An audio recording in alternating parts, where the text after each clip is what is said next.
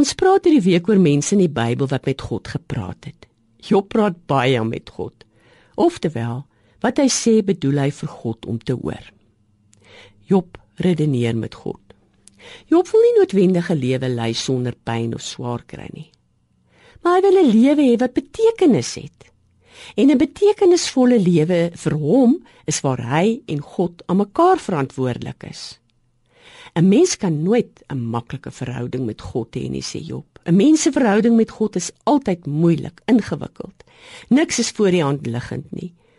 Om God se wil uit alles uit ander mense of die natuur eenvoudig af te lees, dit bestaan volgens Job nie. Ons het gebroke liggame vir geen rede nie sê Job wat dit aan sy eie lyf gevoel het.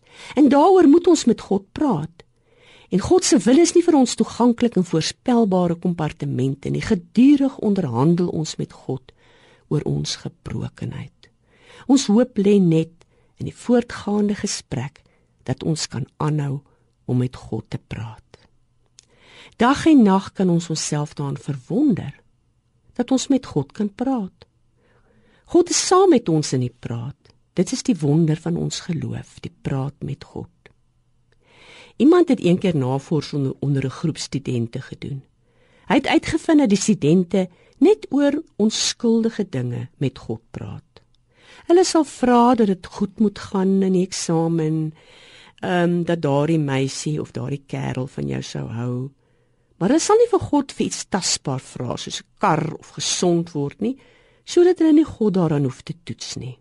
By Job leer ons dat wanneer ons met God praat, is dit God en mens wat saam praat.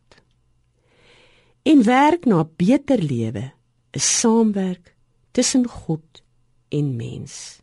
Dis ingewikkeld, maar dis daar. En daarom sê ons Here, dankie vir die saampraat. Dankie vir die saamwerk. Dankie vir die saamredeneer. Ons wil dit nie mis nie. En daarom dankie vir die saamwees met u. for me.